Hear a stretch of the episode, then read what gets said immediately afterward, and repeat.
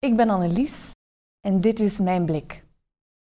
Het zijn de kijkers die het werk maken, die het bewegen, interpreteren en vormgeven. De werken die u hier kan aanschouwen zijn van twee kunstenaars die spelen met interpretaties. Paul Piraar, de woordkunstenaar, vult zijn fotografische werken aan met ludieke en gewaagde zinsconstructies. Poëzie weerklinkt door het samenspel van woord en beeld. Nu is het aan jou. Dit werk roept verschillende interpretaties op. Maar pas op, pas op met wat je denkt. Want het kan wel eens goed zijn dat je waanzinnig bent. Je wilt toch niet buiten de normaliteit treden? Maar goed, aangezien stilte je aanzicht tekent, moet ik je de woorden in de mond leggen. De wortels hebben een fallisch karakter. Ze doen dus denken aan. Maak de zin maar af. Maar wat zegt die gedachtegang over ons? Ik bedoel, wat zegt dat over jou? Jij bent er wel eentje. Wat zegt deze interpretatie over jouw gemoedstoestand?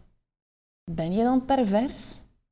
Word je door naar dit werk te kijken waanzinnig uitgedaagd om ze nog allemaal op een rijtje te hebben? Ben je geestesziek? Monsieur Delmotte is de volgende kunstenaar die op een intieme manier jouw aandacht vraagt. Dansend met een camera rond het naakte lichaam van een vrouw.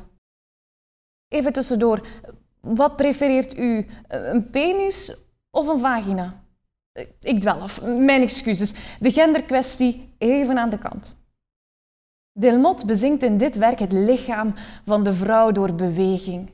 De titel Dancing Around Nude is slechts een deel van de interpretatie. Snelle happen uit haar aanbeeld worden genomen.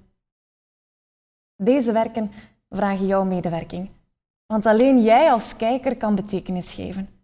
Dus hoe u daarnet dit werk interpreteerde, is volledig normaal. We zijn tenslotte allemaal amateurs in het leven en doe maar wat. Wat een opluchting. Niet? Toujours, altijd, toujours, speelt iedereen. Ziet u het? De werken leiden nu een eigen leven in jouw hoofd. Piraar en Delmotte maken zich vaak schuldig aan deze stijloefening. Dus, altijd speelt iedereen zijn rol. Wat denk jij?